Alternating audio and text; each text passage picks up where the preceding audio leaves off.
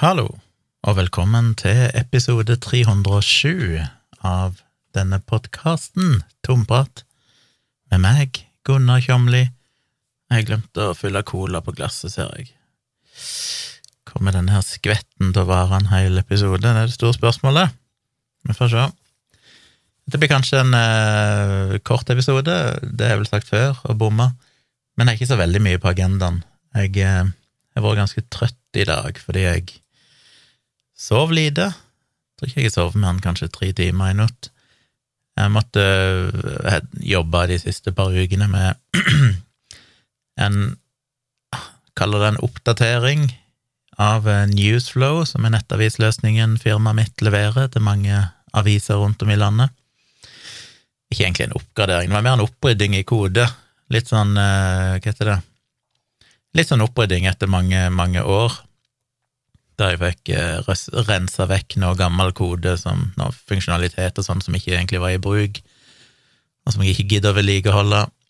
Eh, Rydda litt opp i noen konfigurasjonsfiler, for samkjørt alt av data, sånn at eh, ting stemmer og er lett å oppdatere i framtid og sånn.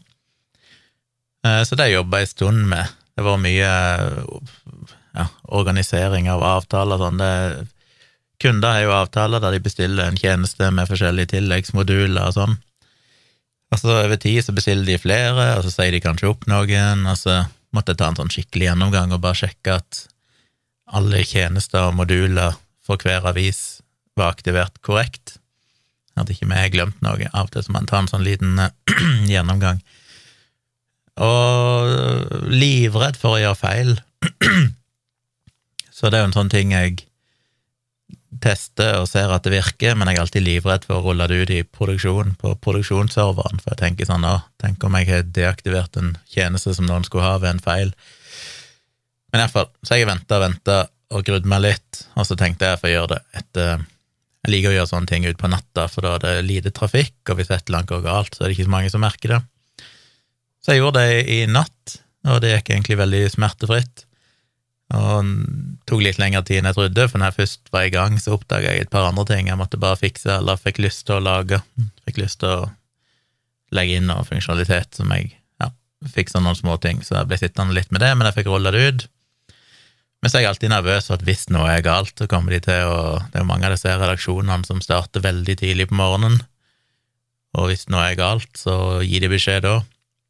Så jeg tenkte, jeg vet ikke om det bare lå i bakhodet mitt, jeg fikk vel ikke lagt meg før klokka var nærmere fire, og litt over tre, og så sovna jeg sikkert ikke før den var over fire en gang.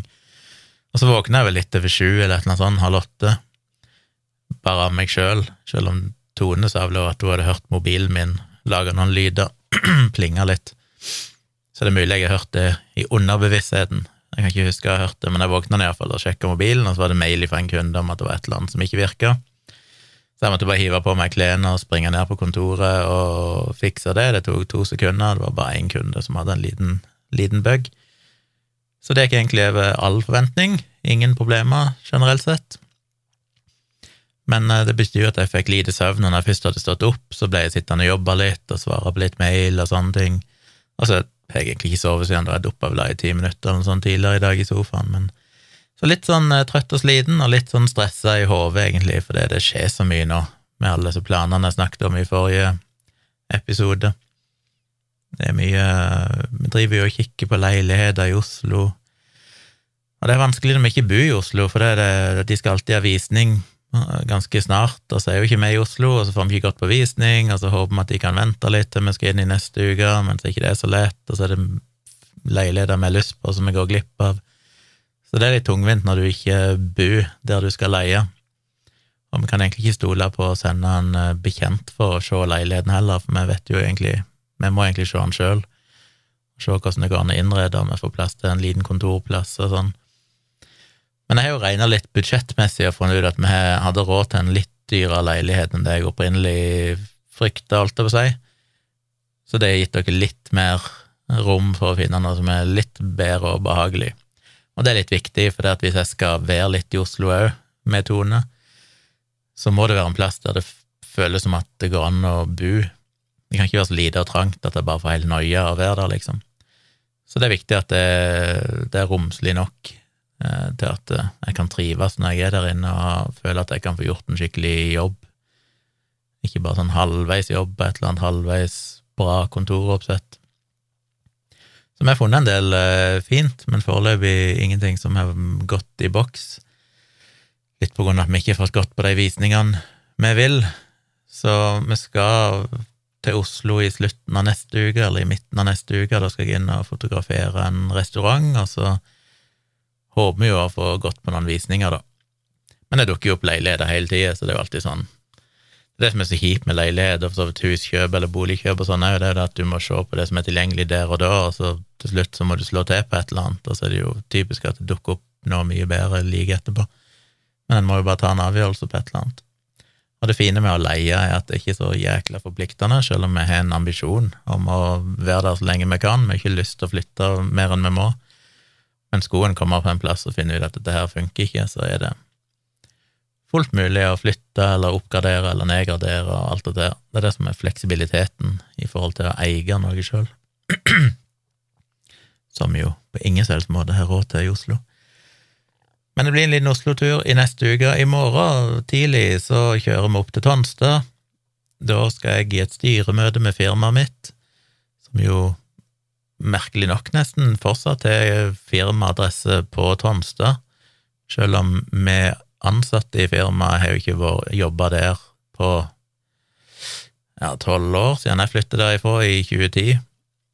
Men eh, styreleder og regnskapsfører og ett serverrom og litt sånn er jo på Tonstad, så det er liksom Firmaet er et uh, Sirdalsfirma, selv om alle de ansatte sitter alle andre plasser i landet rundt forbi. Så det blir et styremøte. Det blir fint å få gjort det, og så uh, skal vi bare chille. Vi liker egentlig godt å dra til Tonstad, for det er veldig chill. Jeg tror Tone liker det enda bedre enn meg. Det er ikke så stas for meg, jeg er jo vokst opp der, men men jeg tror hun syns det er veldig sånn, det er nesten som å dra på hyttetur. Hun får, hun roer seg, får skikkelig roen når hun er der. Så det er fint. Så da må vi vel eh, Ja, jeg ser faktisk fram til å sitte i stua etter at foreldrene mine har lagt seg, og så kan vi sitte og se videre på diverse ting som jeg skal snakke om. Jeg har en anbefaling på slutten, en serie som vi skal fortsette å se på. Eh, så vi kommer tilbake igjen her. Her så kommer dattera mi, hun kommer på lørdag morgen, for akkurat nå så er hun på en sånn eh, tiendeklasse klassetur. Og hun kommer hjem igjen i morgen, altså fredag, og da var hun litt for sliten til å reise til Tomstad med en gang, regner hun med, så hun tar toget. På lørdag morgen så kjører jeg til Gyland stasjon, som er en halvtimes kjøring fra Tomstad, og henter henne, og så blir hun med oss da i, i helga der, og så følger hun oss i bilen tilbake igjen på søndag. Og så allerede på mandag så reiser jeg opp til Bergen. Da skal jeg holde kurs for en eh, aviskunde av oss, som eh, har vært kunde i veldig mange år, men de har hatt en stor utskifting i eierskap og redaksjon og alt mulig, så de trenger å få en ny opplæring. Så da reiser jeg opp der, full dag. Det er ganske slitsomt når det er sånn seks timers eh, kursing der det bare går i ett. Du må stå og prate og svare på spørsmål og jeg er ganske sliten etterpå, men jeg reiser opp på mandagen på ettermiddagen, skal treffe ei venninne der og chille litt på kvelden, og så har jeg hotellrom, og så blir det tidlig på tirsdag, så blir det å holde kurs hele dagen, og så tar jeg fly hjem på tirsdag kveld. Og da ble det videre, fordi skal du reise med SAS, for eksempel, som jeg pleier å reise med, så går det jo alltid via Oslo, de flyger ikke direkte fra Kristiansand til Bergen, og da tar jeg turen De korteste turene tar jeg vel to og en halv, eh, et eller annet time, hvis du er heldig. Men de fleste turene de har jo både tre og fire og mer timer, fordi du flyger til Oslo, og så må du vente lenge der på, et, eh, på neste fly til Bergen. Så det er litt kjipt at det tar så jækla lang tid. Og så er det jo så fuckings dyrt. Det koster jo ja, Litt avhengig av hvor tid du bestiller, men eh, første gang jeg så ganske god tid i forveien, da var det rundt 4000 kroner tur og tur, men så venta litt på å få en bekreftelse for den avisen om at de ville ha dette kurset og sånn, og så når det nærma seg og jeg skulle sjekke pris igjen, så kosta det over 6000 kroner for flybilletter fra Kristiansand til Bergen. Så da ble eh, kurset litt utsatt, og så bestilte jeg istedenfor meg videre, og da kom jeg vel ned i ja, ja, Det var vel nærmere 5000-6000 kroner, det òg. Så det er dyrt å flyge, og det skal det jo for så vidt være, men det føles alltid litt absurd at det er så mye dyrere å flyge innenlands. Jeg mener, det kommer jo an på flyselskapet, selvfølgelig, men jeg fløy til Frankrike i, i forrige måned, så var det 4000 kroner tur og tur fra Kristiansand til Frankrike og tilbake igjen, så det føles litt rart at Kristiansand-Bergen skal koste mer. Men det er nå så. Det er noe firma som Eller det er vel kunden, faktisk, som betaler det. Eh, så det blir Bergen, og så kommer jeg hjem tirsdag kveld, altså, og så onsdag sannsynligvis, eller torsdag morgen, så reiser vi til, til Oslo. Så neste uke går i ett. Eh, får egentlig ikke gjort noen ting, og det er litt sånn stress, for det er litt sånn gira på å få rydda ut av underetasjen her og flytta kontoret mitt opp eh, i andre etasje, der som Tone nå har flytta ut av sitt kontor, ettersom hun skal ta det med seg til Oslo. Og vi rigger ned hele studioet mitt og alt det der, og det nye studioet mitt blir jo mye simplere, for da får jeg bare et bitte lite kontor å sitte på, som jeg må kjøre livestreams og så videre ifra. Jeg hadde jo liksom investert en del penger her, med backdrops og i forskjellige farger. Jeg kunne ha svart og grå og hvit og chroma key grønn bakgrunn og eh, svære lys, eh, profesjonelle lys og alt mulig. Men det er ikke så mye av det jeg får plass til der oppe, så det blir et litt for enkle oppsett. Men det tror jeg ikke folk bryr seg så mye om. Så det skulle jeg gjerne fått gjort, men det vel, må vel vente til vi er tilbake igjen i Oslo igjen uka etter det igjen, godt ut i oktober. Og da må vi ta en skikkelig runde, fordi vi er jo litt gira på å få leie ut her så fort som mulig, og vi aner ikke hvor lang tid det kan ta. Om det kan ta ukevis, månedsvis. og det har vi ikke råd til. Så det er litt sånn catch 22, at vi trenger en leilighet i Oslo litt fort, men vi er litt avhengig av inntekten fra leilighet utleie her. Og det er litt risky hvis vi sier ja til en leilighet i Oslo, og så eh, får vi ikke en leietaker her med det første, så så vi får se. Vi må tygge litt på det. Vi er jo ivrige på å finne noe i Oslo og drive og kikke, men egentlig så burde vi chille litt på den fronten helt til vi er sikre på at vi har fått ting i gang her. Og så er det jo det med utleie, det er jo noe dritt. Jeg har vel bare leid ut en gang tidligere, og det var Jeg hadde jo et eh, hus som jeg og min eh, ekskone bygde på Tonstad tilbake i 2004. Og så bydde vi der til 2008 ish, da det ble slutt mellom oss. Så bodde jeg der fram til ja, ut 2009, og så flytta jeg jo rett før nyttårsaften i 2009 flytta jeg til Oslo. Og da leide jeg ut huset mitt til to forskjellige leietakere, tror jeg, i løpet av de neste halvannet år, eller noe sånt, tror jeg det gikk, før jeg fant ut at jeg kommer nok til å bli i Oslo. Jeg beholdt huset, for det var litt sånn prøveprosjekt å flytte til Oslo, jeg visste ikke helt hvordan det kom til å gå. Men jeg fant jo fort ut at jeg kommer nok ikke til å flytte tilbake til Tonstad, så etter ca. halvannet år så mm, solgte jeg det huset. Men i løpet av den tid så måtte jeg jo leie det ut, og det gjorde jeg jo sjøl, og det er jo alltid et styr. Så vi kan jo selvfølgelig leie ut her sjøl. Tjener jo litt mer penger på det. Men etter at vi drev og kikka på leiligheter i Oslo, så ser jeg jo at det er en del sånne meglere som leier ut, og at det virker jo bedre både for Både med tanke på å leie i Oslo, så har jeg egentlig mer lyst til å leie av et meglerfirma enn av en privatperson, fordi det bare føles mye mer ryddig. Du slipper å forholde deg til en eller annen random person som kan være weird, for alt en vet, eller vanskelig. Uh, og ikke minst, når en skal leie ut, så slipper en òg å forholde seg til, til den som leier, til leietakeren. Så jeg har ikke helt bestemt meg, men jeg tok kontakt med noe som heter for Utleiemegleren, heter de vel, som driver på i hele landet. De hadde jo et kontor i Kristiansand, så jeg kontakta dem i dag og sa at vi hadde lyst til å leie ut her, og ville bare ja, ha en prat med de. Så de skal komme opp her nå om et par uker. Da har vi formeligvis fått uh, rydda ut av underetasjen her, og sånn at de kan gjøre en liten befaring og se hvilken tilstand det er og sånn, og etter hvert ta noen bilder og sånn. Så da tar vel de uh, litt sånn oppstartspris, og så tar de uh, 10 tror jeg det var, av utleieprisen eller et eller annet sånt. Men det fine med det, selv om du tjener litt mindre, så garanterer du at du får husleia, for da er det jo meglerfirmaet som betaler ut husleia hver måned, og hvis ikke leietakeren betaler, så er ikke det mitt problem.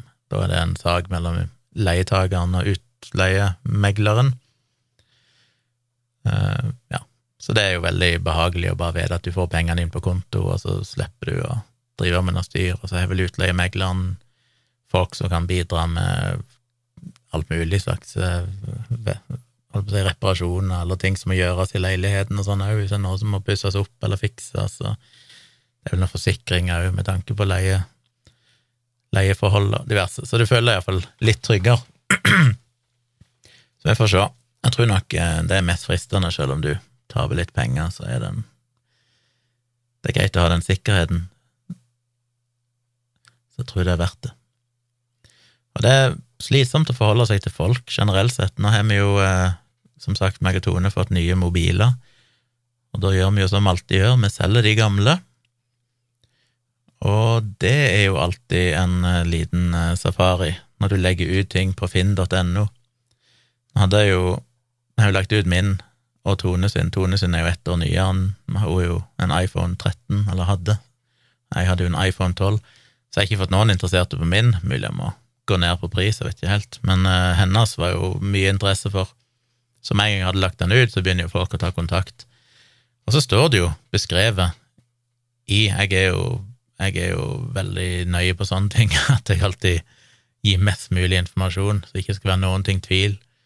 Så jeg beskriver jo telefonen og leverer, har liksom kjøpskvittering klar og alt mulig sånn, så kunden, eller den som kjøper, får alt av dokumentasjon original emballasje og alt mulig sånn. Det skal ikke være noen ting eh, lureri eller noe som er galt. Er det en minste ripe i telefonen, så beskriver jeg det i annonsen og sånn. Allikevel så får jeg selvfølgelig melding der første melding er liksom sånn Hvilken tilstand er telefonen i? Er det noe ripe eller skade på den? Og så er det sånn Men Jesus Christ, leste du ikke annonsen? Jeg har jo eksplisitt beskrevet at han var i tipp topp stand, det var ingen ripe, han er kun blitt brukt med deksel og sånn skjermbeskytter hele tida og alt det der. Det er så irriterende når folk bare Det første de spør om, er noe som allerede står i annonsen. Og så får du jo selvfølgelig ti millioner meldinger der det bare kommer et tall. Jeg eh, skulle selge den til 9500, og så kommer det bare sånn 7000. Jeg, jeg, jeg, jeg, har så lyst til å bli ufin. Det er ikke ofte jeg blir veldig irritert, men sånne ting blir jeg irritert på. Da får jeg lyst til å bare svare noe sånn syrlig som at ja, det er, det er tall, hva mener du med det? Eller nei, et eller annet ufordragelig, bare slenge i trynet på dem. Eh, eller bare skrive at det kunne vært aktuelt å diskutere prisen hvis du har evna å skrive en hyggelig melding til meg, men hvis du bare skriver et tall, så kan du bare glemme å få den. Og så er det jo alle de som skal betale kontant. Hva er det for noe? Jeg mener, hvem er det? Det, det er liksom det, Kontanter eksisterer jo basically ikke i verden. Jeg er jo tilhenger av at eh, kontanter skal være et uh, betalingsmiddel du kan bruke i butikker og sånn, men for sånne private salg Tone solgte jo sin forrige mobil i fjor, mens vi fortsatt bodde i Oslo, og fikk da kontantbetaling ifra en, det snakket jeg vel om i podkasten, en eller annen gjøk som sa han skulle betale med VIPS. Jeg sa han spurte om han kunne betale kontant, og vi sa nei, vi må ha det på VIPS. Og når han kom, så sa han selvfølgelig at nei, han fikk ikke VIPSen til å virke, altså, men han hadde kontant. Altså, folk er jo så sleipe, og så står du der da, og da, før han sa det, så hadde han jo fått se på telefonen, men han skulle jo sjekke alt, så han gikk jo inn og installerte Altså, han oppretta jo logga inn med konto og sånn. Han eh, testa kamera, han filma, han måtte, måtte hjelpe han å få spilt av noe lyd, så han kunne høre at høyttaleren virka, han måtte ringe kjæresten sin, så de kunne sjekke at lyden virka i begge ender, og mikrofonen virka. Han måtte gjøre absolutt alt med telefonen, så jeg sto ute med han i tre kvarter eller et eller annet i kulda ut forbi på parkeringsplassen eh, der vi bodde. Og til slutt var han fornøyd med at alt var i orden, og så sier han at ja, forresten, kan dere ta kontanter? Det er sånn Han har stått der i 45 minutter, du har jo installert telefonen til ditt eget bruk. Jeg, ja, gi meg de kontantene, da. Så får vi liksom plutselig noen tusenlapper, eller hva det var. Og de har vel Tone liggende fortsatt, for det er sånn Det er jo et hekk han har fått satt deg inn i banken. Og sammen da jeg var i Frankrike, så måtte jeg jo ta ut 500 euro i depositum for den leiligheten jeg vi leide i uka. Og så fikk jeg jo de pengene tilbake igjen når vi sjekka ut.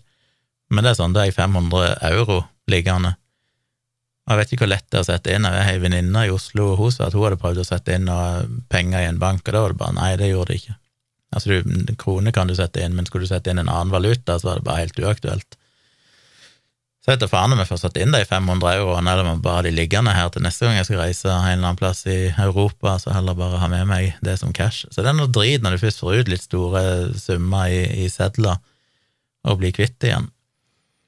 Jeg vet at tidligere så har jeg brukt en sånn, jeg vet i Oslo, på Youngstorget, inne på 7-Eleven Nei, det var vel en bank der før, en DNB eller et eller annet. Eh, der vet jeg en eller annen gang satte inn penger på en automat, der du bare fòrer pengene inn i en automat, og så oppgir du en konto og et eller annet. Men da tar de noe jævlig med gebyrer og sånn. Så det er dritt. Så i utgangspunktet, nei, jeg ønsker ikke å, å ta imot kontanter. Det kan ikke være så jævla vanskelig for folk å betale med VIPS. Og det føles alltid som at når folk insisterer på at tar du kontanter Altså, hvem er det som bare tilfeldigvis har mange tusen kroner liggende i kontanter, og foretrekker å betale med det heller enn å, å bruke VIPS? Én ting er at nå tar VIPS eh, bitte grann gebyr for, for, den betalingen, men iallfall i gamle dager så var det jo gratis så lenge du overførte i, i bolker på under 5000 kroner, eller maks 5000 kroner. Så jeg skjønner det ikke. Men iallfall så var det ei dame da som skrev litt gebrokkent norsk, som tok kontakt og var interessert i å kjøpe, bla, bla, bla, hun ble enig med henne at hun bodde i Vennesla, så hun kunne komme og, og henta telefonen til, til, Tone i kveld. Men hun lurte på hvor seint hun kunne komme, for hun var, var bortreist i byen, sikkert i Kristiansand eller et eller annet. Så sa jeg at nei, vi bare komme så seint du vil, så lenge det er før midnatt, bare for å si et tidspunkt. Hun kunne for den saks skyld sikkert komme klokka to òg, men men eh, jeg måtte bare sette ei grense, så jeg iallfall visste hvor lenge jeg skulle gidde å vente på. Og så er det en dude som sender melding der det bare står 7000. Og så gadd jeg ikke svare, og så litt seinere så kommer det at han, om jeg kunne diskutere prisen, bla, bla, bla. Og så plutselig så ringer han meg. Og det er altså så irriterende når de finner telefonnummeret, og så tar de kontakt på telefonen, og så begynte han å mase om at ah, han, han, skulle kjøre forbi Vennesla øyeblikk, og han kunne komme på ti minutter, og så sa jeg nei, men jeg har egentlig lovt han vekk til en annen person. Og så ville han ikke gi seg, så var det sånn, ja, men når kom den andre personen? Så sa jeg nei, det vet jeg ikke ennå, i løpet av kvelden, hun skulle ringe før hun kom. Ja, men han kunne komme med en gang, Altså. så, måtte jeg forklare han at men jeg har jo lovt den telefonen til en annen person, jeg kan ikke bare selge den til noen andre fordi det passer meg bedre. Nei, nei. Og så ble vi ferdig med samtalen, og så to minutter seinere så ringer han tilbake igjen. Og dette var jo en, en, tydeligvis en med innvandrerbakgrunn som snakka ganske gebrokkent norsk, og sier han du, jeg lurer på om hun som, som du skulle kjøpe telefonen av deg, er venninna mi. Og så sier jeg ja vel, ja, hun står her nå. Og så hørte jeg han snakke med ei dame. Og så sier jeg ja, ok, ja, de, de kom snart, begge to. Og så sier jeg kan du få henne til å skrive en melding til meg og bare bekrefte dette, så ikke jeg plutselig bare leverer ut telefonen til noen helt andre. Men så gjorde hun det, da. Fikk jeg en melding like etterpå på Finn at det sånn hei, du snakket nettopp med vennen min. Så tenkte jeg ja, ja. Og så kom de her litt seinere, og så, ja, så endte de opp med å kjøpe telefonen, og så viser det seg at de er naboene våre. De bor liksom ti meter ifra huset vårt. Så det var ganske random.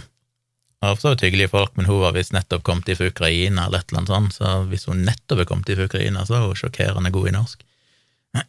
men eh, men ja, så det var hyggelige folk, men det var bare sånn, hvorfor, hvorfor skal han kjøpe den telefonen, og så viser det seg tilfeldigvis at nei, det var venninna hans som han allerede var der med, og så skulle de komme sammen, altså har de ikke kommunisert sammen når de allikevel sto sammen, så sender begge to en forespørsel om å kjøpe, eller var det forsøk for at han skulle prøve å prute ned prisen for henne, at de hadde avtalt dette, og så var det bare flaks at jeg sto på mitt og sa at nei, jeg vil gi han vekk, for dette Hei, han ei som venter på han. det er mulig det var et eller annet. De endte iallfall opp med å betale det de skulle, så alt gikk nå greit. Uh, men så har jeg jo lagt ut min telefon, som sagt, og så sier han vi skal flytte litt og sånn, så må jeg bli kvitt litt ting, så jeg hadde jo et gammelt miksebord her, for eksempel, som jeg la ut på Finn, med ei gammel lampe som vi kjøpte i Oslo og fant ut vi ikke hadde plass til, sånn taklampe, ganske dyr, fancy greie fra Milla butikk, som Tone ville ha. Og så vet vi hadde kjøpt den, fant ut det ikke passa i stua, så har vi jo prøvd å få solgt den i over et år, men det er jo klin umulig. Spesielt når den ikke kan sendes i posten, for det er en sånn svær lampe med masse glasskuler på og sånn, så noen må jo faktisk komme og hente den her. Så litt avhengig av at det er noen som bor på Sørlandet i rimelig nærhet. Jeg husker ikke hva den kosta, den var ganske dyr, men nå har jeg hatt den ute to eller tre ganger før i 60 dager på finn.no uten at noen har kjøpt den, men nå lager han ut på nytt og satt ned prisen igjen, for nå er det sånn Nå gir jeg den snart bare vekk, han står jo bare opp plass. Jeg, kan ikke ha den liggende. Og så la jeg ut eh, det objektivet mitt som jeg hadde inne til reparasjon nylig, som nå er splitter nytt og bedre nytt, fordi de har bytta ut og oppgradert firmware og alt mulig sånn. Rensa det og greier. Så det er lagt ut, så det er litt ting som ligger der på finn.no nå. Og det blir sikkert mer etter hvert som vi begynner, for nå er jeg sånn, nå vil jeg bli kvitt ting her. Når vi flytta i Oslo, så dro vi jo med ikke så mye stæsj, og så finner en ut at eh, det er ikke alt en trenger, og så havner det bare i en bod, altså. Vi får se. Men jeg hater jo å selge ting på på Finn, fordi du får så mange rare henvendelser. Apropos idioter, jeg drev og diskuterte på Twitter med en som først angrep meg angående det der pedofiligreiene som drev, vi drev på med her, um, som jeg snakket om i en tidligere episode igjen, så jeg han svart meg igjen her. Jesus. Visstnok en kjent rapper eller et eller annet sånt som kaller seg Nils med skills. Aldri hørt om han, men han er tydeligvis ikke den smarteste, den skarpeste kniven i skuffen når han først begynner med med dette pedo-greiene sine, og så begynner han nå med vaksiner og hevder at det ikke er noe bevis for at covid-vaksinene virker, og beviset hans er jo Haiti. Det er det som er interessant, er akkurat som han Pål Henrik Hagen og sånn, som jeg debatterte med og skrev flere bloggposter om, han som skrev i Subjekt og argumenterte for at det var ikke så viktig med å sende vaksiner til Afrika, for det gikk jo så greit med folk under pandemien, selv om alle data viser det motsatte. så er det påfallende hvordan de velger å fokusere på land som har de dårligste helseregistrene i verden, som er blant de fattigste landene i verden, og som har en his historisk trend, eller historisk kjent kjent, for å ha en massiv underrapportering av dødsfall, fordi de rett og slett ikke registrerer dødsfall. Og da er det jo veldig fint å velge et sånt land og si se her, under pandemien så er det nesten ingen som er blitt smitta, nesten ingen som er daua. Nei, hvis ingen blir registrert, så ser det jo selvfølgelig rosenrødt ut. Og så har jeg prøvd å diskutere dette med han og fortelle han det, og vise da til denne store Lancet-studien som ble publisert nylig, der de så på overdødelighet og prøvde å kalkulere hva de reelle dødstallene hadde vært i de fleste land i verden, og finner jo der blant annet at selv om de offisielle dødstallene i Haiti er noe sånn som 800-900 mennesker har dødd av covid, eh, så estimerer jo de at tallet ligger på jeg husker ikke hva tallet var, men at det iallfall var 36 Mortaliteten var eh, rundt 36 ganger høyere i virkeligheten enn de offisielle tallene, som jo er en liten eh, et lite avvik, for å si det mildt. Men det nekter jo han, og begynner da å gå inn i disse grafene og, begynner Så Det klassiske er jo at når du snakker om den vestlige verden, så nekter de jo å akseptere offisielle tall fordi du kan ikke stole på myndighetene, og alt er en scam. Men med en gang du går til de fattigste landene i verden, med korrupte regjeringer og alt mulig, så er det kun de offisielle tallene de vil se på. Nei, hvis Haiti og Sudan rapporterer at det bare er 300 mennesker som er døde av en befolkning på x antall millioner, titalls millioner, så må jo det stemme. Det er ikke noen grunn til å betvile det. Altså det vaksinemotstandere de lever alltid i en sånn bakvendtland det er bare alt er snudd fullstendig på hodet av logikk. Så i land som har en enorm kontroll og et enormt ytringsfrihet og enormt demokrati, sånn som Norge, Norden, de fleste vestlige land i Europa osv., som har veldig presise tall for dette, nei, det kan du ikke stole på. Men altså land som Altså, Haiti hadde jo òg en koleraepidemi for åtte-ti år siden, der det òg var masse artikler, hvis du leser, googler det, som sier at uh, dødstallene er massivt underrapportert under den kolerapandemien, nei, epidemien òg. Det er jo ikke noe, jo ikke noe med covid-pandemien å gjøre, dette er noe som er helt uavhengig av det. Og bare det å tro at et av verdens fattigste land, det landet som er mest, et av de mest utrygge landene med mest kriminalitet og alt dette her, skal være et land der du skal stole 100% på de offisielle tallene, spesielt når de har så godt som null testing. Og det er det som er provoserende med den debatten, at han, han diskuterer kun Haiti, og så sier jeg så diskuterer jeg det, svarer på alle tingene han skriver, viser til denne store Lancet-studien, den vil jo ikke han stole på, han mener jo at det er bare tull, fordi han som rapper tydeligvis vet bedre enn verdens fremste epidemiologer på dette området. Eh, men jeg da sier at men hvorfor diskuterer vi Haiti? Se på USA, se på Norge, se på England. Alle har sluppet tall som viser at uvaksinerte har en ekstremt mye høyere dødelighet enn vaksinerte. Hvorfor er ikke det godt nok for deg? Hvorfor avfeier du det, men du velger å ta det landet i verden med de kanskje minst pålitelige dataene, og bruke det som eksempel på at se her, de har ikke vaksinert nesten noen, altså det er nesten ingen som er døde, ergo så er ikke vaksinene effektive eller nødvendige. Det er altså så hårreisende idiotisk, men det har han ikke svart på. Absolutt alle andre eksempler jeg har gitt han, med grafer og studier som handler om, om vestlige land med gode data, det er bare å ignorere han. For det er ikke interessant, for det vil jo selvfølgelig motbevise narrativet hans. Så det er bare sånn fundamental uærlighet eh, som bare gjør det helt, helt deprimerende å diskutere. Eh, hva mer var det jeg skulle si om han? Han har skrevet noen nye tweets her, så Så han er sikkert mer idioti å si, men han er rett og slett bare dum. Og det er det som er så frustrerende i disse debattene, at det er en, de aller, aller fleste av disse folkene er rett og slett ekstremt kunnskapsløse. Tilsvarende med der Helge Morseth, som kun driver og tvitrer vaksinemotstand på Twitter sammen med hos Silje Skei, hos psykologen og sånn. Det er helt ufattelig hvor kunnskapsløse de er. Altså, du, du, kan ikke nå inn med et eneste argument, fordi de bare skjønner det ikke. De har ikke den mentale kapasiteten til å i det hele tatt forstå hva problemstillinga er, og hvordan du må gå fram for å analysere det og finne ut hva som er sant. Og jeg er alltid så usikker på er det fordi de virkelig ikke Altså, er de rett og slett bare veldig dumme, sånn at it does not compute for de, eller er det bare en sånn ekstrem bevisst eh, kontrarianisme eller faktafornektelse? Fordi de har et narrativ, og det at vaksiner er farlig og virker ikke, og da klarer de bare ikke å forholde seg til Jeg vet da faen, jeg bare skjønner ikke. Så, så evige spørsmål er jo alltid skal han bare blokkere de,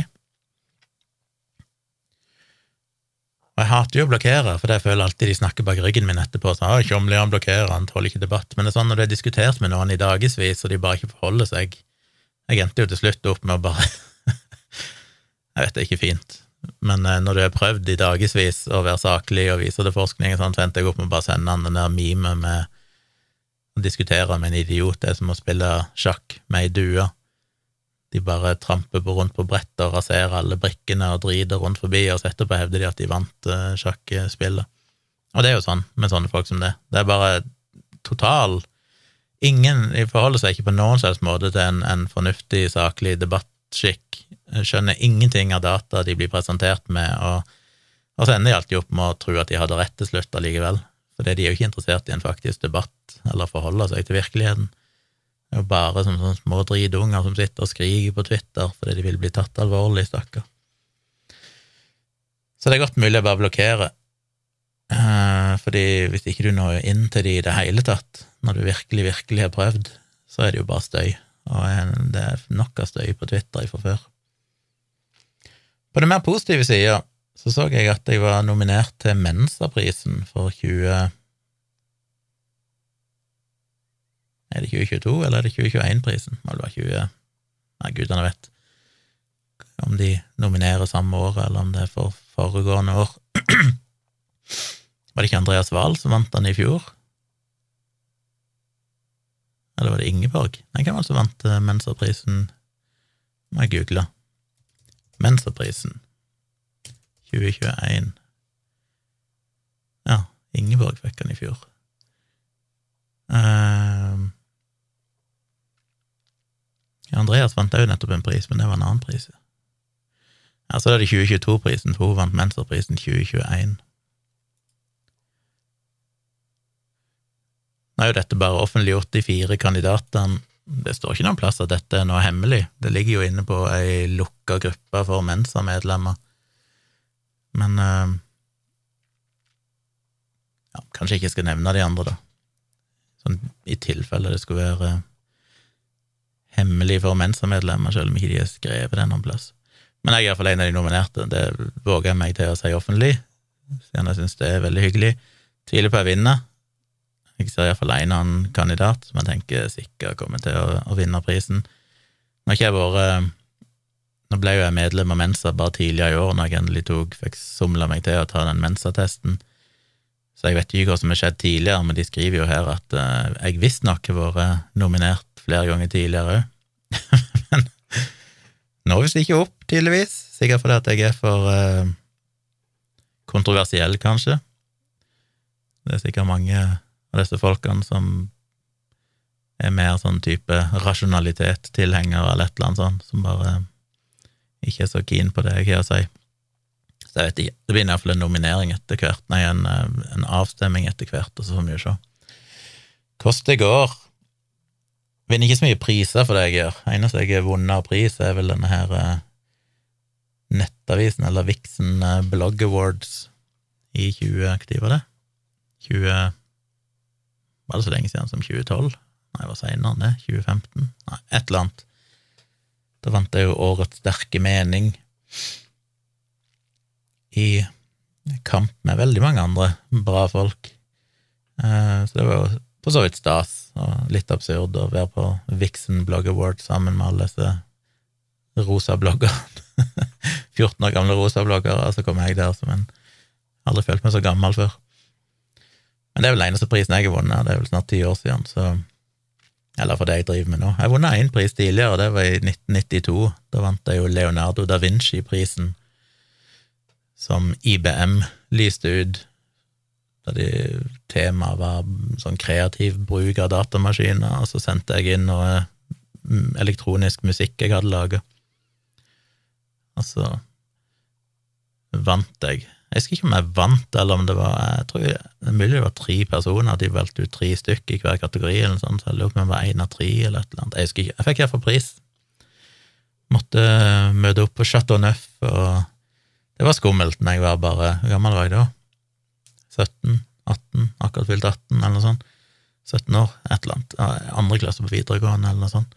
Husker jeg reiste inn til Oslo med en kompis, det var fryktelig skummelt klarte vi å roe dere fram til Chateau Neuf. Jeg måtte opp på scenen der, og holdt på å krepere av nervøsitet.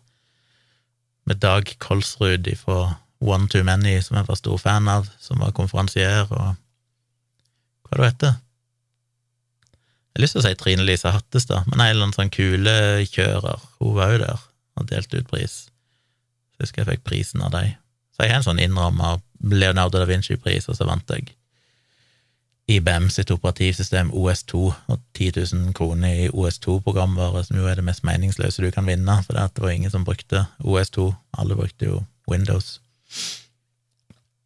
Og for å kjøre OS2 så måtte du ha en ekstremt kraftig maskin som ikke jeg hadde, så jeg installerte det vel bare for å teste det ut, men jeg brukte det ikke lenge, så det var en meningsløs pris, men det er jo heder og ære som betyr noe. Men det er jo de prisene jeg kom på jeg har vunnet. Leonardo da Vinci-prisen i 92, og så kanskje 20 år seinere så vant jeg eh, Årets sterke mening. Så får vi se om jeg vinner Mensa-pris. Det hadde jo vært stas. Jeg snakket jo i forrige episode litt om denne lettbrusstudien. Nei, ikke lettbrusstudie. Det var en studie på kunstige søtningsmidler som inkluderer lettbrus, men ikke eksklusivt det.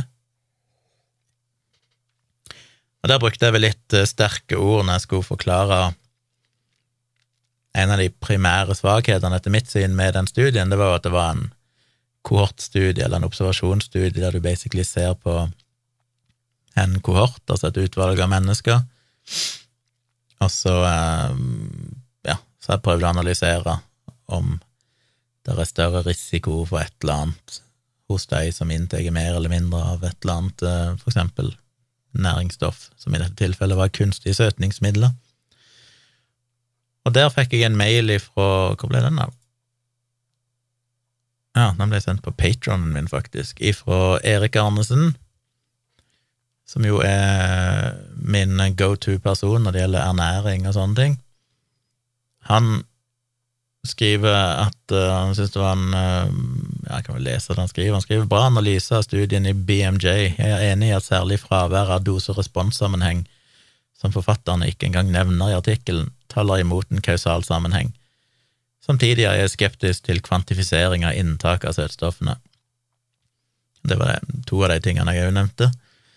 Tidligere metaanalyser har vist at utbytting av sukkerholdig drikke med kunstig søtet drikke er forbundet med lavere risiko for hjerte- og karsykdom. Så han er enig i kritikken min, bortsett fra én ting, og det at han skriver, men jeg er ikke enig i det generelle budskapet ditt om at observasjonsstudier aldri kan si noe om årsakssammenhenger, mens bare RCT-er kan det.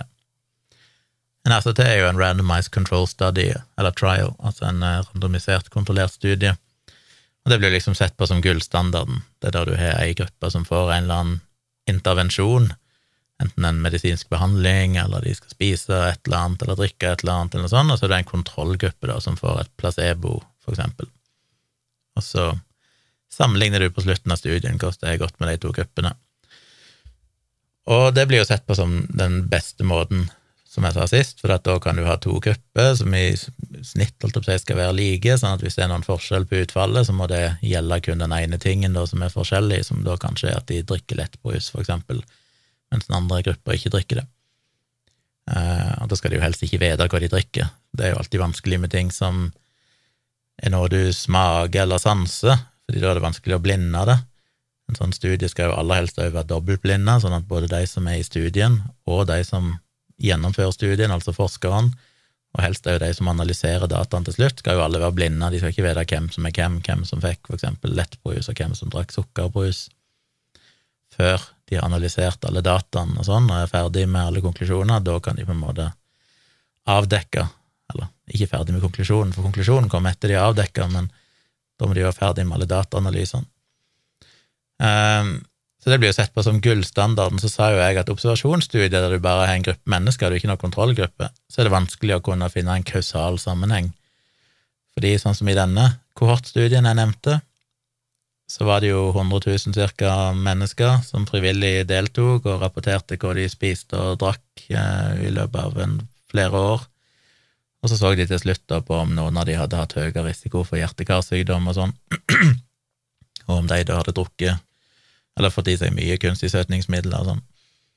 Og problemet der er at du, som sagt, som jeg nevnte sist, ikke helt vet Du kjenner ikke alle variablene. Det er jo forskjellig grad av vekt, overvekt, fedme, røyking, alkoholbruk, mosjon, stress, levestandard generelt sett, eh, kjønn, alder Så du må liksom korrigere for alle de tingene, sånn at eh, du virkelig skal kunne se om, om det er inntak av kunstige søtningsmidler som utløser denne risikoen, eller for høy risikoen, eller om det kan være noe annet. Og det er ofte tilnærmet umulig å gjøre på en korrekt måte. Så jeg sa vel ganske sterkt at jeg følte sånne studier ofte var tilnærmet meningsløse, og det var vel å ta for hardt i. Jeg ble vel litt drevet med når jeg begynte satt der og snakket og tenkte, her, disse studiene her kan jo egentlig aldri gjøre noe gode data. Men selvfølgelig så kan de det, men det er, det er, veldig avhengig av hvordan det gjennomføres. Jeg skal bare snakke litt om det. Han nevner jo eksempler, Erik nevner jo eksempler sånn som med sammenheng mellom røyking og lungekreft eller alkohol og brystkreft. Det er en jo funnet ut basert på den type observasjonsstudier. Risikoen eh, hva du kan få, en magekreft eller tarmkreft eller et eller annet av å spise for mye salt, som selvfølgelig òg kan påvirke blodtrykk og sånne ting. Eh, sammenheng mellom økt risiko for hva er det, kreft i tykktarmen, er det ikke det? og inntak av prosessert og rødt kjøtt og sånne ting. Altså, det er jo, det er jo ikke basert på randomiserte, kontrollerte studier. For du kan ikke ta så mange mennesker at du kan få noen sikre resultater, og så si at den ene gruppa skal spise mye bacon og pølse, mens den andre ikke skal gjøre det, og så se over mange år hvem som får mest kreft. Det blir praktisk alt umulig å gjennomføre en sånn studie. Så det blir observasjonsstudier. Du må liksom bare gjennomføre spørreundersøkelser av befolkningen, og så spørre hvor mye kjøtt har du spist det siste året, og så. Og da se om de som rapporterer at de spiser mer kjøtt, om de da òg ser ut til å ha mer risiko for en krefttype, eksempel. Så du kan gjøre det.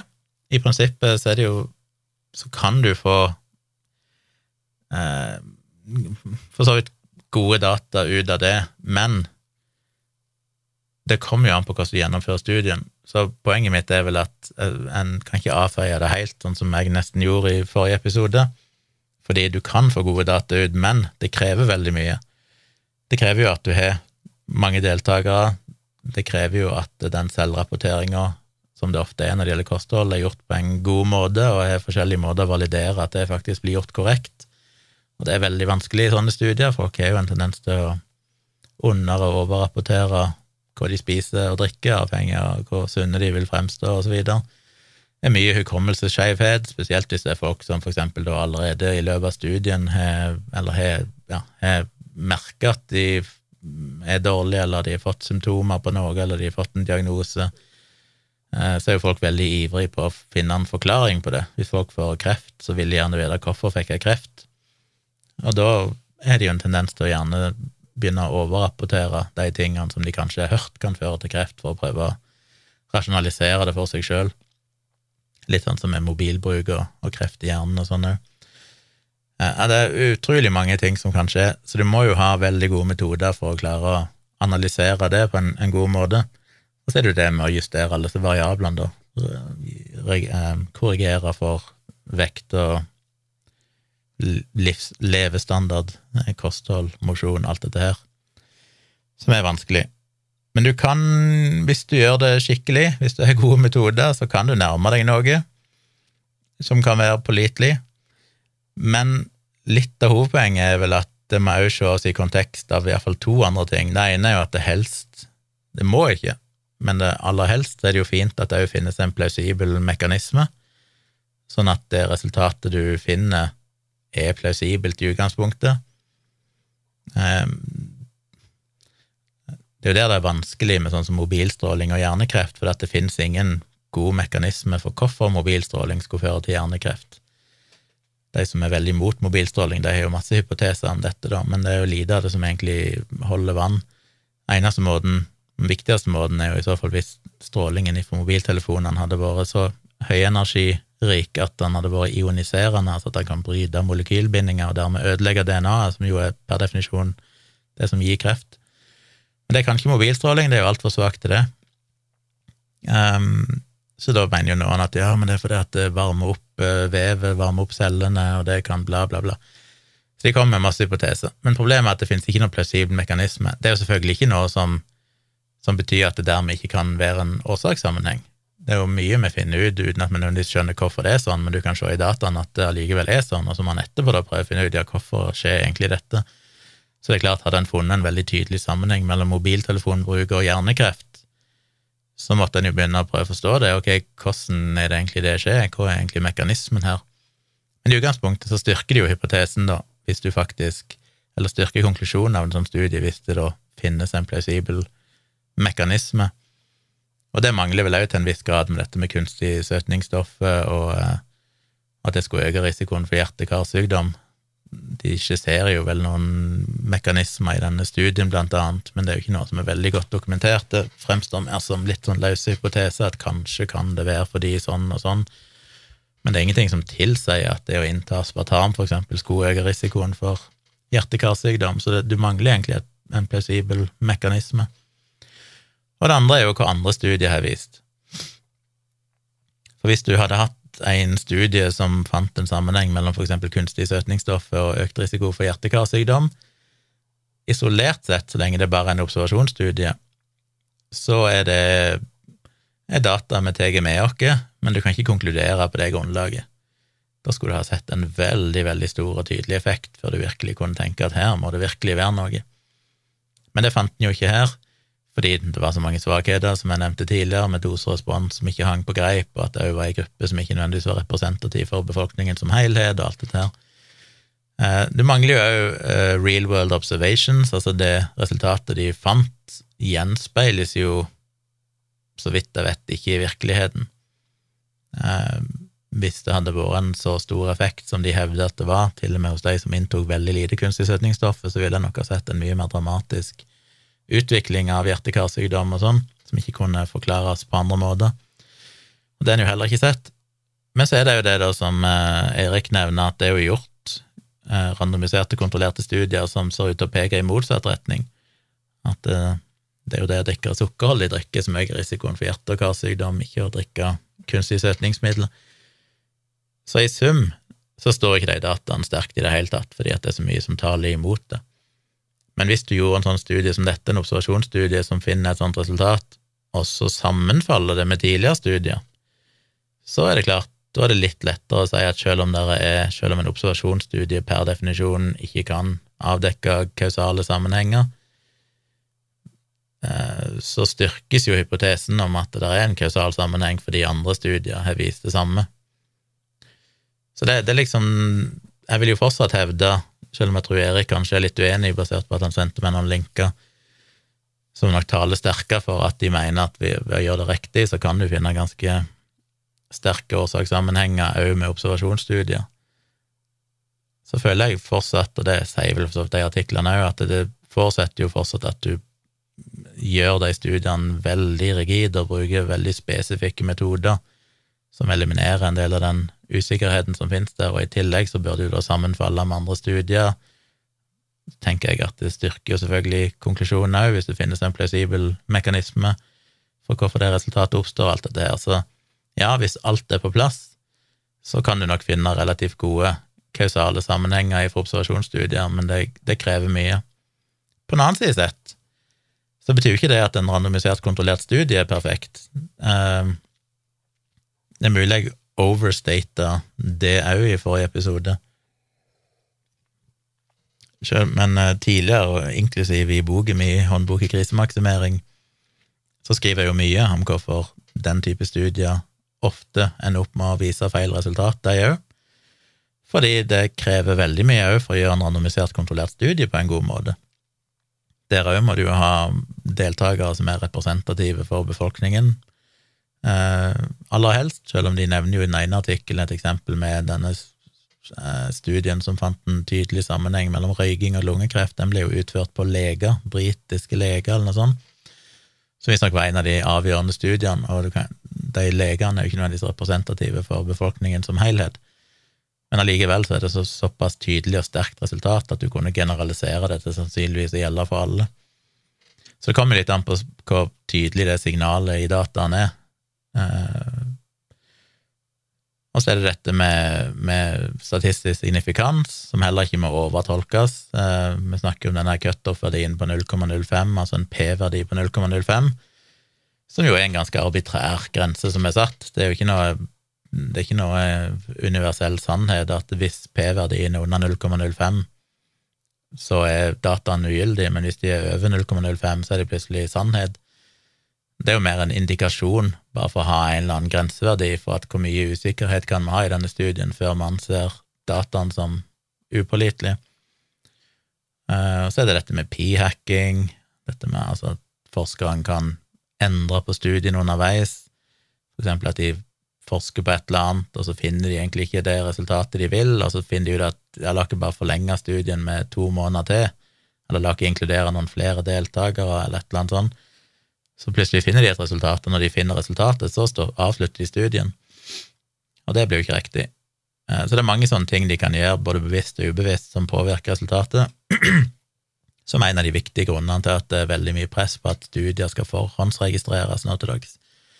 At du registrerer hele studieprotokollen før du i det hele tatt starter på studien. For da kan du ikke endre ting underveis, for da er det allerede publisert offentlig at dette er studien, sånn skal vi gjennomføre den, her er metoden, og hvis da den endelige ferdige forskningsartikkelen plutselig har brukt en annen metode, så vil jo det avdekke at her er det skjedd noe hanky-panky. Så det finnes metoder for å, prøve å korrigere for de tingene best mulig, men til og med de beste, største randomiserte, kontrollerte studiene har en, en ganske stor feilprosent, der de kommer til feil konklusjon, for det er mye som kan gå galt der òg. Så veldig mye av det samme gjelder jo med plausible mekanismer, og at det må understøttes av andre studier, de skal helst replikeres og bla, bla, bla. Så det er jo ikke enten-eller, men generelt sett så blir jo randomiserte, kontrollerte studier ansett for å ha i større grad kunne finne et godt resultat. Eh, men det kommer jo i begge tilfellene eh, avhengig av hvordan studien er gjennomført, om det er svakheter. Eh, var det alt jeg skulle si om det? Jeg tror det. Konklusjonen Konklusjonen er at jeg gikk nok litt for hardt ut, men jeg står nok fortsatt ved at uh, en observasjonsstudie generelt sett skal en være mer skeptisk til enn en randomisert, kontrollert studie, selv om det ikke er automatikk i det. Du må fortsatt lese artikkelen, se på metoden, lese drøfting av usikkerhet og alt det der for å, å se om den egentlig Det er jo ikke sånn at bare den er randomisert, kontrollert studie, så kan du bare akseptere konklusjonen. Langt ifra. Det ser en jo gang på gang, og det har en jo virkelig sett under denne pandemien òg, med forskning som er ganske så tvilsom, og i mange tilfeller faktisk bare ren forfalskning og sånn. Så jeg vil bare drøfte det bitte grann, for å nyansere litt det jeg sa i, forrige episode. Jeg skal, jeg skal, lenke til et par artikler som Erik sendte meg. Uh, ja, en som handler om uh, ja, en engelsk artikkel som dere kan lese, som har mange linker i seg til andre forskningsartikler, altså en bloggpost som Erik sjøl skrev i 2006, som er litt mer generelt om noen myter rundt forskning som jeg har snakka litt om her nå, men òg noen andre ting. Så kan dere jo lese det. Så det legger jeg i eh, notatene i shownotes til denne episoden. Sjekk gjerne ut det.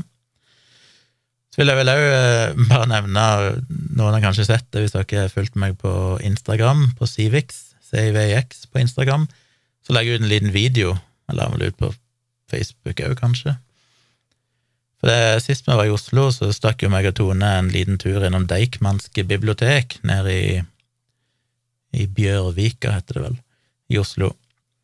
Og det er faktisk første gang jeg er innom det nye biblioteket, som ikke er så nytt lenger. Nei, det ble vel åpna under pandemien, det er jo ikke mer enn et, et par maks år gammelt.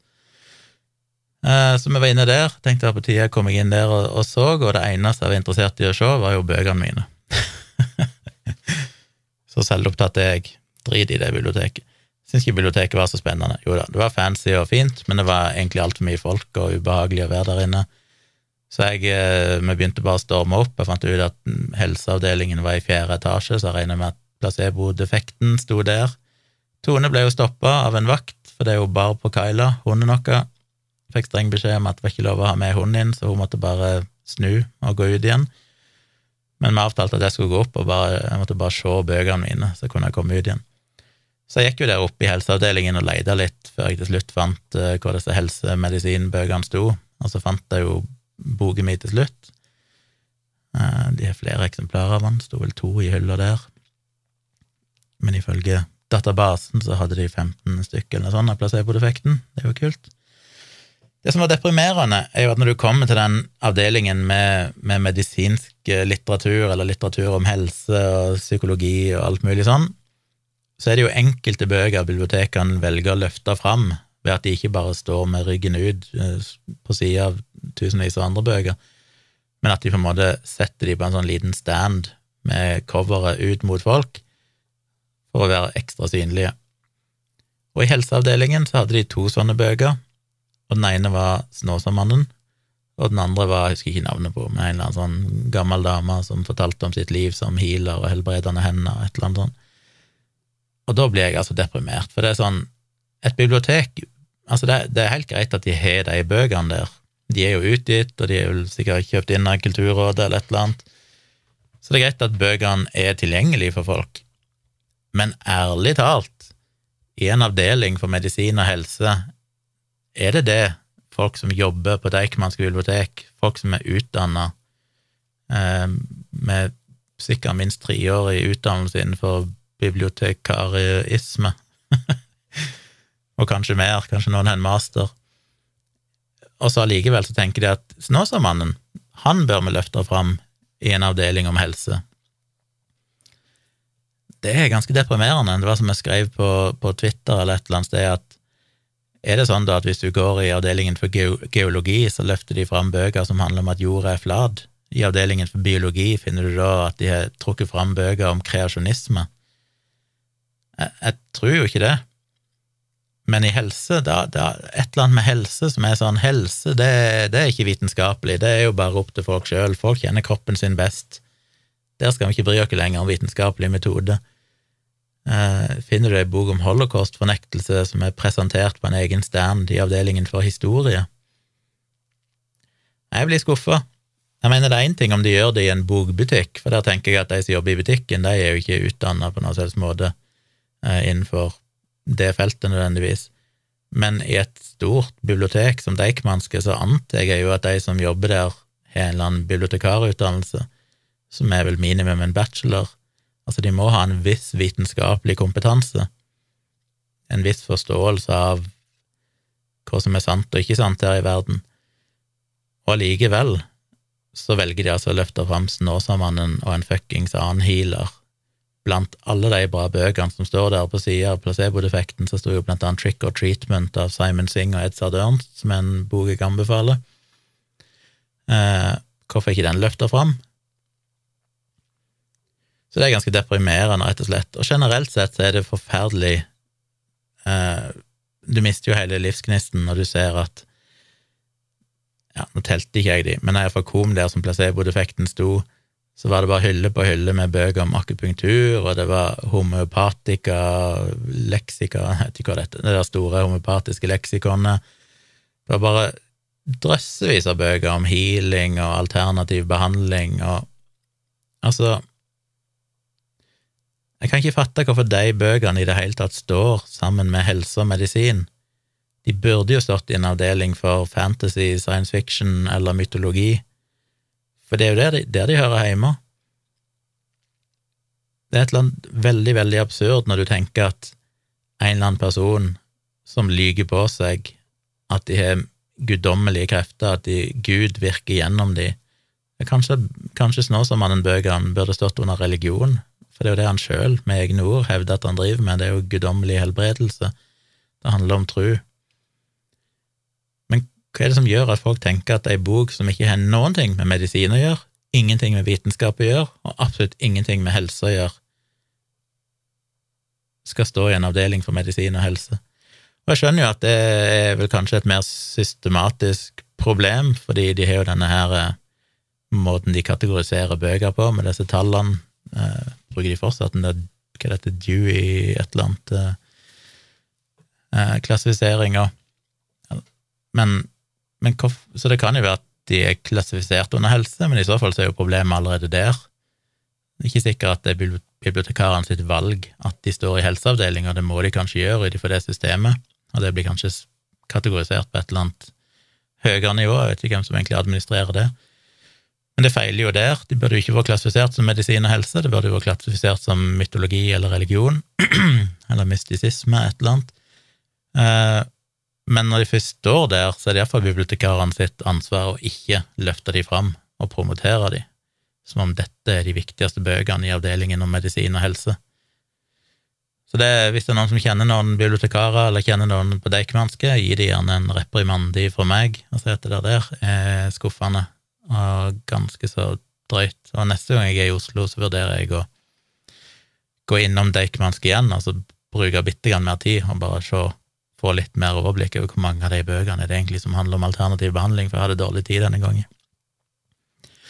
Og så varslet jeg meg opp i femte etasje, for det var avdelingen for samfunn, og der fant jeg ut at boken min eh, Håndbok i krisemaksimering sto. Den måtte jeg lete lenge etter, men han lå under social Hva var det kategorien? Ja, jeg husker ikke lenger. social criticism? Nei, social Ja, et eller annet sånn cultural criticism. Nei, jeg husker ikke. Han sto iallfall en plass. Og han sto så vidt greit plassert, eh, ikke så langt ifra Sofie Elise og,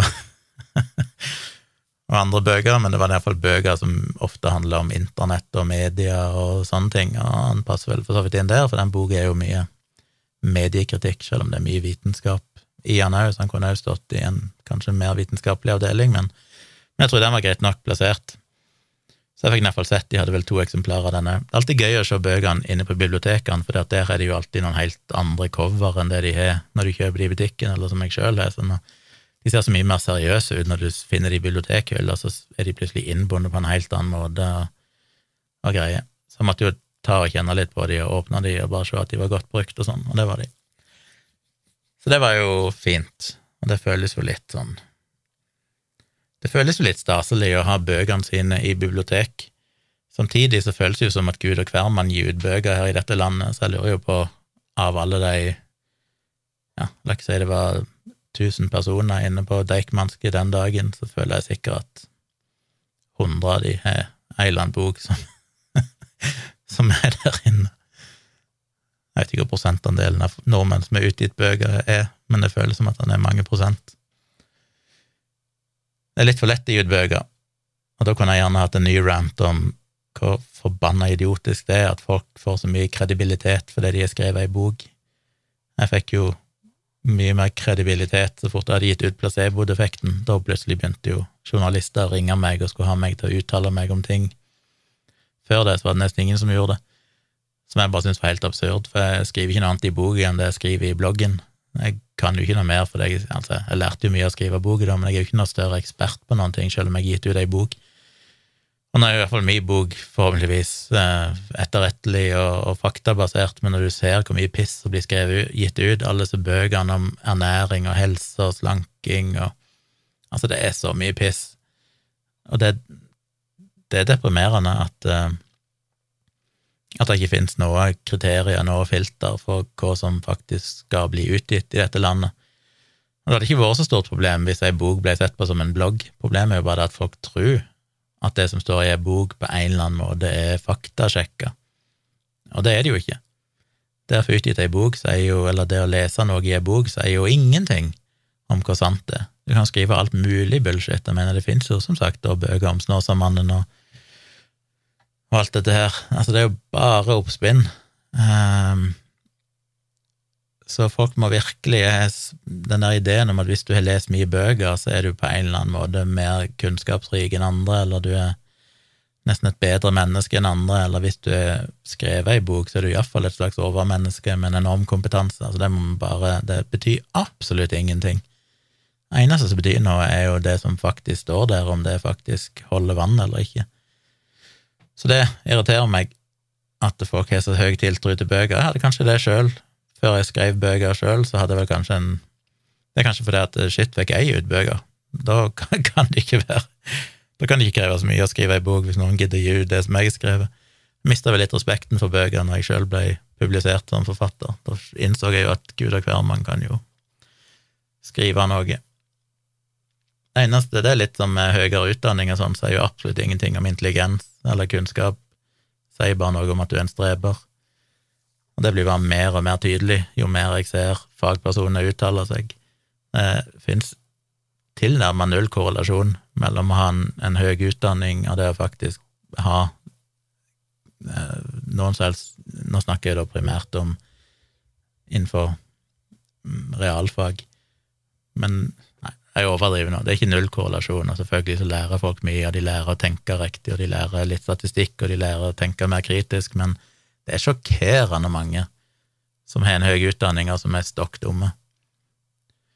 Og det tror jeg òg bare folk må være veldig klar over, at uh, det å gjennomføre en høy utdanning handler jo ikke bare, for det er klart det er noen som ikke ville kunne gjort det sånn, men hvis du er noenlunde gjennomsnittlig, i det minste, så kan alle gjøre det hvis du bare gidder å, legge arbeid i det. Så det å ha en høy utdannelse er jo primært et målestokk, eller det er vel utelukkende en målestokk på hvor hardtarbeidende du er, og hvor få ambisjoner du har i livet, for å være litt stygg. Hvis du velger å dedikere fem eller flere år til en høyere utdannelse, så, så er det jo egentlig bare det det sier noe om. Hvis du er flink i tillegg, så blir du kanskje interessant og dyktig i den jobben du gjør, men eh, en, en, stor andel er jo ikke det, selv om de har gjennomført en, en utdanning. Så vi har noen sånne kriterier. Det er liksom sånn, Vi trenger noen kriterier for å klare å, å sortere mennesker og, og, finne ut en slags kompass. Hvem kan vi tro på, og hvem skal vi stole på? Og da er det jo sånne ting som at 'å ja, han har en høy utdanning', eller 'å ja, han skrev ei bok'. Eh, og selvfølgelig, hvis du er kjendis i tillegg, så, så er du en autoritet. En, en, kjent skuespiller har jo plutselig av en eller annen grunn mer autoritet enn andre på alt ifra å snakke om krig til medisin. Men det er jo sånn mennesket er. Vi har jo tiltro til folk som vi tror er autoriteter, men det er jo veldig, veldig feil. Eh, vi må jo bli flinkere til å se på hva som faktisk blir sagt, om det faktisk er sannhets, hva er sannhetsinnholdet i de faktiske påstandene disse menneskene kommer med. Ja, Nå selvfølgelig satte jeg ting litt på spissen, men det er en, en kjerne av sannhet i det, altså. Jeg er bare blitt så Alle mine illusjoner har brista i de siste årene, når jeg bare ser hvor, hvor lite lite interessante og kunnskapsrike folk med høy utdannelse, eller folk som har skrevet bøker, eller ditten og datten, er. Til slutt, så eh, Nå kommer jeg sikkert til å bli slakta. Send meg mail og slakt meg på tompratpodkast.gmail.com at gmail.com hvis du er dørgende uenig i det jeg sa. Eh, det setter jeg alltid pris på. Så har jeg jo noe å snakke om i neste episode òg. Men til slutt, dette ble jo en lang episode. Shit, jeg må snart lære å Jeg må arr. Jeg er jo på over en time allerede. Det er kanskje best når jeg har få planer for episoder, for da blir jeg sittende og rante om alt mulig rart. Eh, til slutt vil jeg bare anbefale en, en ny serie på Netflix som heter Dahmer, med undertittelen Monster, historien om Jeffrey Dahmer. En helt ny serie som meg og Tone har sett eh, to episoder av, og den var virkelig bra. Tone er jo en enorm geek når det gjelder seriemordere og sånn, så hun kan jo veldig mye om Dahmer. Jeg kan en del, jeg òg, fordi jeg har sett noen dokumentarer om han tidligere. Og denne, denne serien her er jo ikke en dokumentar, altså det er jo skuespillere, det er jo, det er jo Hva heter det? Det er Ja, derfor er jeg kommer ikke på ordet. Men det er ikke en dokumentar, det er liksom skuespillere som visualiserer historien om Jeffrey Dahmer, men han er veldig, han er veldig korrekt så langt. Ting som blir sagt, replikker de kommer med, sånn ja, det sa han faktisk på det tidspunktet, og de hendelsene som er beskrevet så langt, er veldig korrekte ned til de minste detaljer, omtrent. Eh, selvfølgelig tar de seg noen kunstneriske friheter sånn for historien sin skyld, men generelt sett så virker det veldig, veldig korrekt, og det er litt deilig. Det er liksom to typer sånne eh, serier og filmer, det er de som prøver å bare visualisere rent sånn dokumentarisk egentlig hva som skjedde, og så er det de som velger at de skal ha en eller annen form for Men hvis dette hadde skjedd, eller hvordan ville historien vært hvis vi legger til grunn sånn og sånn, og, og så tar de seg veldig mye kunstneriske friheter. Denne er nok i førstnevnte kategori ganske sånn jordnær og faktabasert, og veldig, veldig bra laga. Klarer ikke helt å sette fingeren på hva det er, men bare han skuespilleren er jo veldig flink, han som spiller Jeffrey Dahmer, men bare måten han er bygd opp på, måten han er filma, stemningen, alt var bare veldig sånn shit, dette må jeg se mer av. Så det gleder jeg meg veldig til når vi kommer til Tonstad i morgen, så skal jeg sette meg ned med Tone og så se videre på den. For den har jeg virkelig lyst til å se ferdig. Det virker som eh, skikkelig kvalitet. Så sjekk ut den på Netflix. Dahmer, nye serien om Jeffrey Dahmer. Anbefales, hvis dere liker sånt. Jeg tror det var alt jeg hadde for i dag. Jeg eh, får vel ikke gitt ut en episode over helga siden det plutselig ble bergenstur. Og kanskje ikke neste fredag heller, for da er jeg vel i Oslo, så det, det er mulig at jeg ikke får gitt ut noen episode neste uke. Og en uke etter det så blir det jo flytting og sånn, og da får jeg jo se. Jeg får vel flytta studioet mitt ganske kjapt, så jeg bør kunne spille inn uka etter det. Men det tar kanskje litt tid å få på plass eh, lys og kamera og sånn til livestream, så så vi får se. Men eh, det kommer når det kommer. Jeg setter iallfall pris på at dere abonnerer på podkast og sånn, og så gjerne støtter meg på patron.com slash tjomli. Der legger jeg jo ut podkasten om noen få minutter. Allerede seint torsdag kveld, helt reklamefri. Og så har jeg vært litt dårlig med å spille inn bonusepisoder, fordi det er vel forklart i de siste to episodene. Det har vært forferdelig travelt i det siste, og nå blir det jo litt reising og sånn, men jeg har ikke glemt det. Jeg kommer til å spille inn flere bloggposter som kommer som bonusepisoder inne på min Patrion. Så du får både denne podkasten tidligere enn alle andre, uten reklame, og du får òg bonuspodkaster, i tillegg til foredrag og lydbøker og det som ligger der inne. Så veldig hyggelig med de som vil støtte meg der. Jeg tror det var alt jeg hadde, for å si det enda en gang til. Jeg har alltid problemer med å avslutte disse episodene, men eh, Men ja, burde hatt en outro-musikk. Fada meg ut, og så glidd over i musikk. Men takk for at dere hørte på. Eh, fortsett å sende meg tips og spørsmål og tilbakemeldinger på tompratpodkast at gmail.com. Og så høres vi igjen når vi høres igjen.